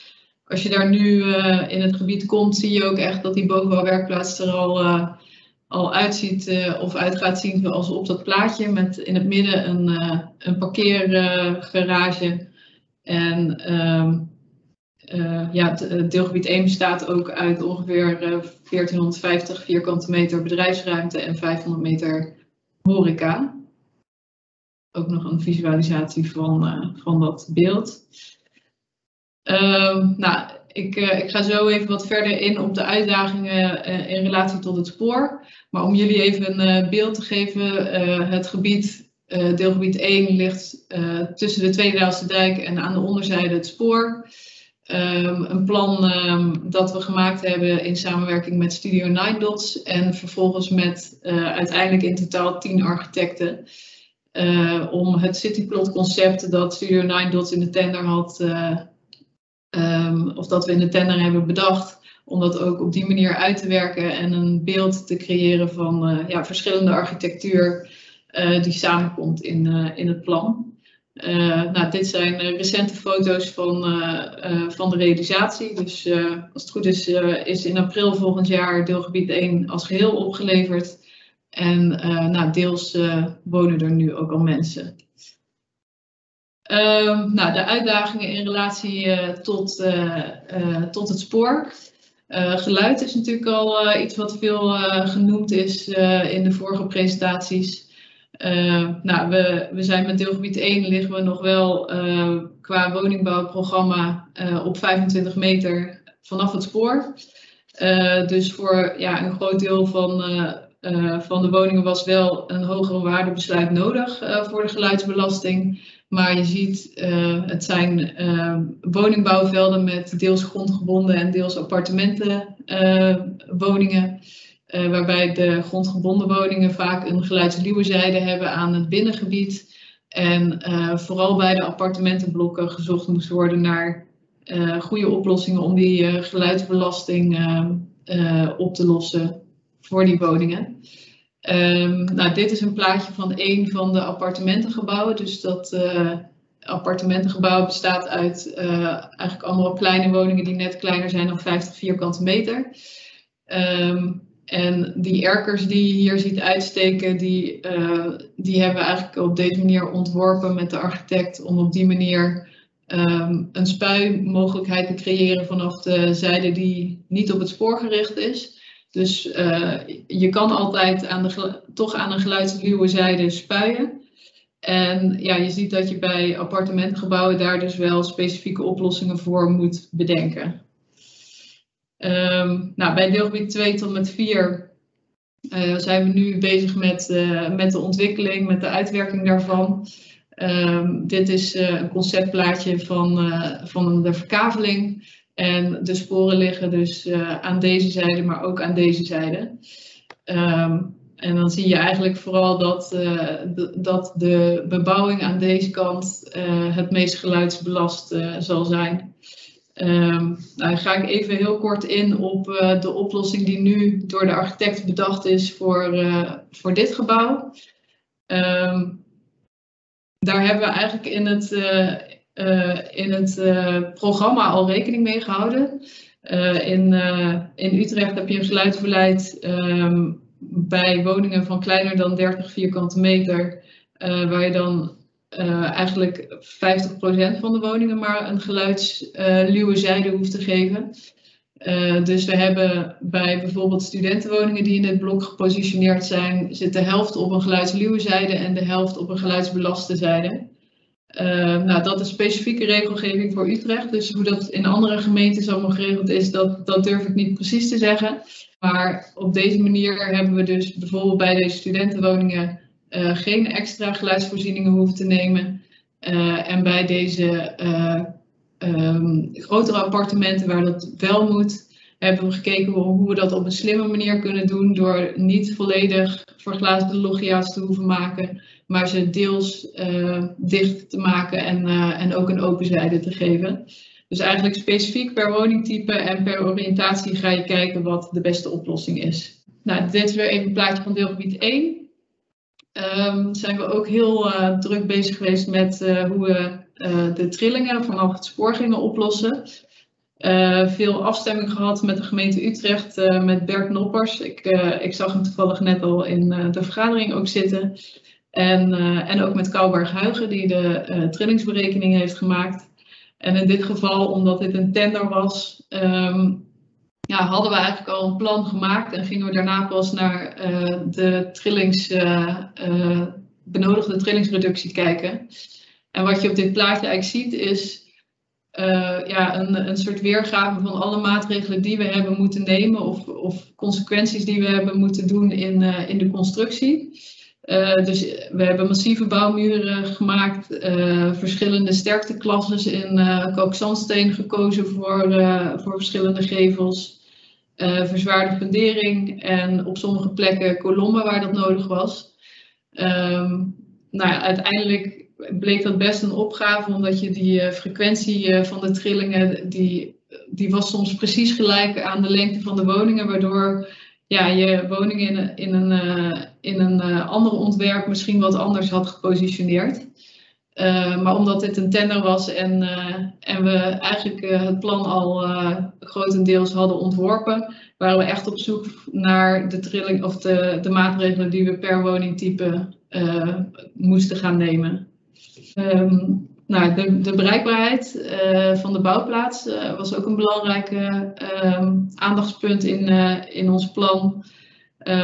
Het is niet alleen de bereikbaarheid van de bouwplaats, maar ook de calamiteitenroute van, van ProRail, zodat ze altijd bij het spoor kunnen komen. dus ProRail moet altijd toegang hebben. Ehm, qua groepsrisico hadden we in dit geval nou ja, berekeningen gedaan in het bestemmingsplan. En eigenlijk kwam daaruit dat we nauwelijks uh, bijdragen aan de vergroting van het groepsrisico, omdat we op redelijke afstand van het spoor uh, hier uh, woningen realiseren. Um, dus, dus dat valt in dit geval mee.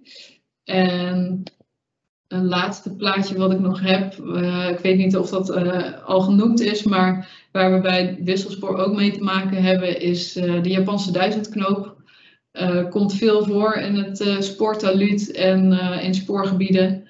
Ehm, nou, en in dit geval wordt in het taluut bij Wisselspoor ook door ProRail um, onderzoek gedaan naar verschillende bestrijdingsmethodes om die Japanse duizendknoop weg te krijgen. maar ook altijd een belangrijk aandachtspunt als je met ontwikkelingen aan het spoor bezig bent. Dat was het.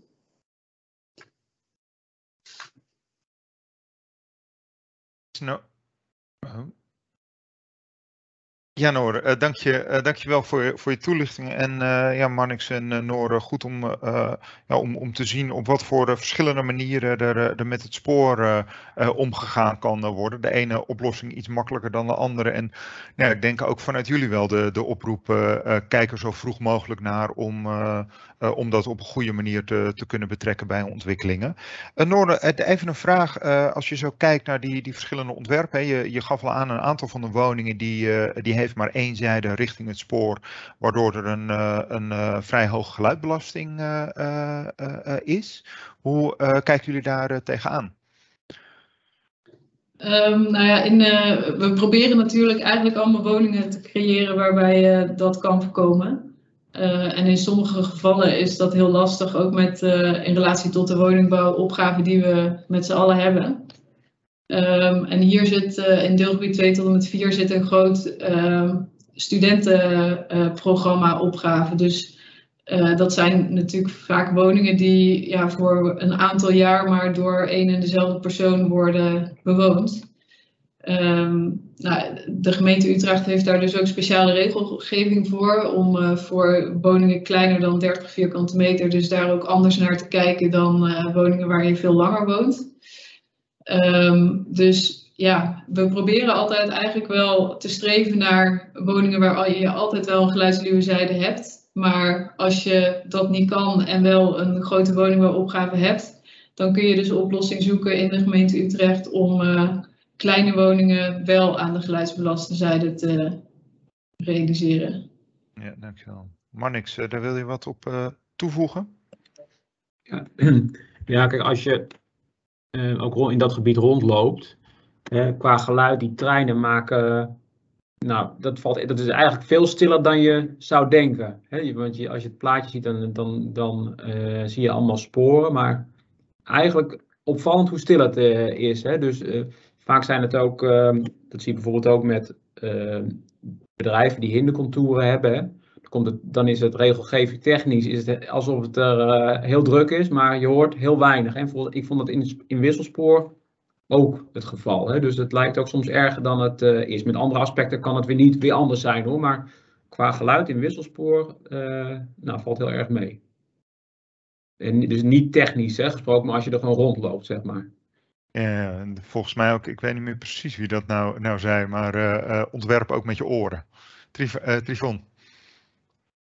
Ja, ik denk dat uh, net, twee leuke en mooie voorbeelden hebben gehoord hoe, hoe, hoe het kan, hoe, hoe, het goed gaat. Maar ik denk dat het ook nog beter kan. volgens mij gaf Noor het zelf ook al aan. Hè. Het was al een tender, het was al ontworpen. En daar moesten we dus op een gegeven moment maatregelen op, op dimensioneren.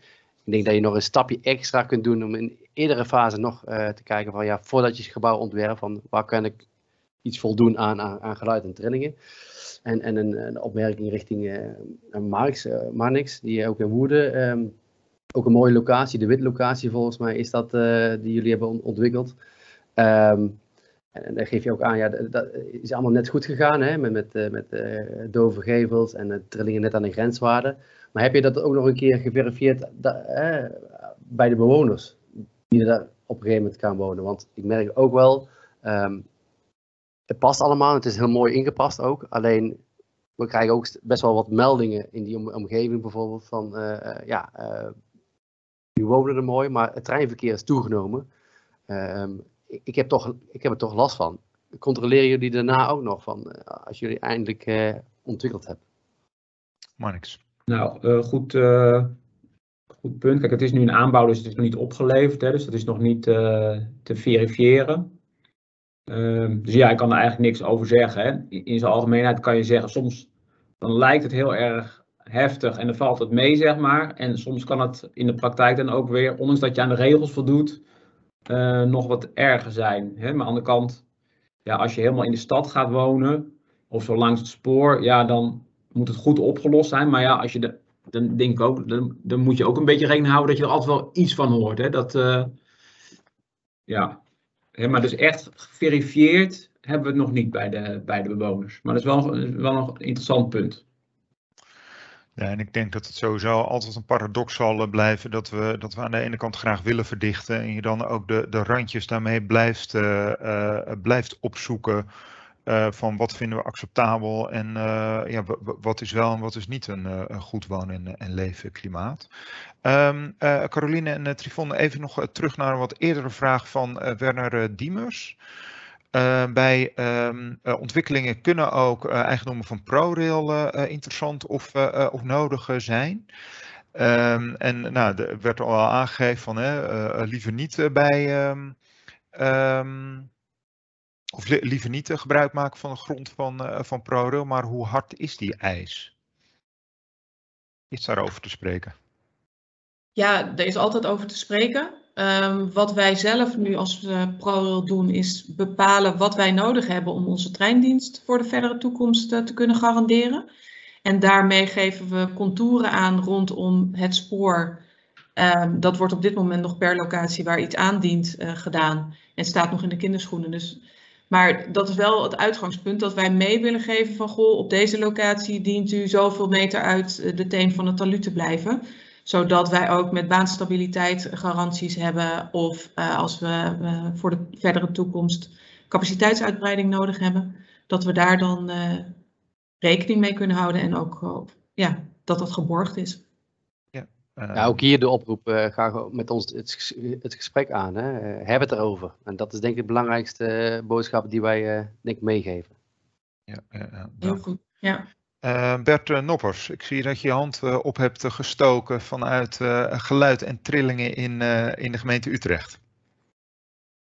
Ja, als kleine aanvulling op de opmerkingen die gemaakt werden over de geluid in de spoorzone is een waarneming van mij dat in Utrecht, maar ook in andere gemeentes, dat het in die spoorzone heel vaak uh, uitermate stil is, rustig. Zolang er geen trein langs rijdt.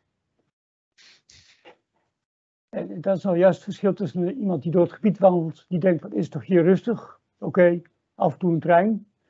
En iemand die daar aan de spoor woont, waar de trein pal langs je raam gaat, en niet één keer per uur, maar wel om de 10 minuten of om de 5 minuten en ook s'nachts. Dus ik denk dat de beleving van geluid in die gebieden juist bepaald worden door de treinen. Dat wil eens aanvulling geven. Maar dat het voor de rest ontzettend stil is daar. Ja, dat is een uh, goede toevoeging. En uh, ja, goed denk ik ook om uh, breed te, te kijken naar de, ja, de woon- en leefklimaat daar en hoe je daar ook op een andere uh, of, of, hoe je daar op een goede manier naar, uh, naar kunt kijken. Nou, um, dank jullie wel, um, Caroline, Trifon, John, Orno ook nog eventjes, Marnix en Noor voor jullie bijdrage hier bij deze sessie. Volgens mij ja, goed om uh, te zien hoe hier vanuit de verschillende partijen aan, uh, aan gewerkt uh, wordt. En dat er nou ja, ook op verschillende fronten aan gewerkt wordt om ook meer zekerheid te geven voor de toekomst. Want ik denk ook dat, dat veel verschillende partijen daar ook naar, naar op zoek zijn van hè, helder dat het, dat het, dat er rekening mee moet houden. Maar nou ja, wat, wat betekent dat ook precies? En, en hoe kunnen we daar ook vanuit de, de verschillende opgaven rekening mee, mee houden? Ja, en dat het goed is om het te kijken naar de verschillende uh, oplossingen die, die er zijn. Volgens mij ja, hebben we een aantal verschillende oplossingen de, de, de revue zien passeren door ook afstand te houden, door ook te kijken hoe je dat soort gebieden aantrekkelijk kunt maken vlak langs het, langs het spoor. Dat je ehm, ja, ook, ook zo'n stations of zo'n spooromgeving aantrekkelijk maakt voor de mensen zelfs die, die in, de, in de trein zitten. Ja, en dat uh, uh, dat spoor ook wel gewoon veel kansen biedt daarvoor. Um, hartelijk dank voor, voor uw aanwezigheid ook um, allemaal en uw bijdrage. Ja, mochten hier nou nog specifieke punten in zijn waarvan u zegt dat dat is nog een onderwerp waar we graag eens wat verder op willen verdiepen. Het zij in deze digitale sessie, hoewel ik hoop dat we over een maand of drie, vier elkaar toch ook wel eens een keer fysiek zouden uh, zouden kunnen uh, treffen en dan eens in een uh, misschien iets kleinere setting met elkaar de diepte ingaan.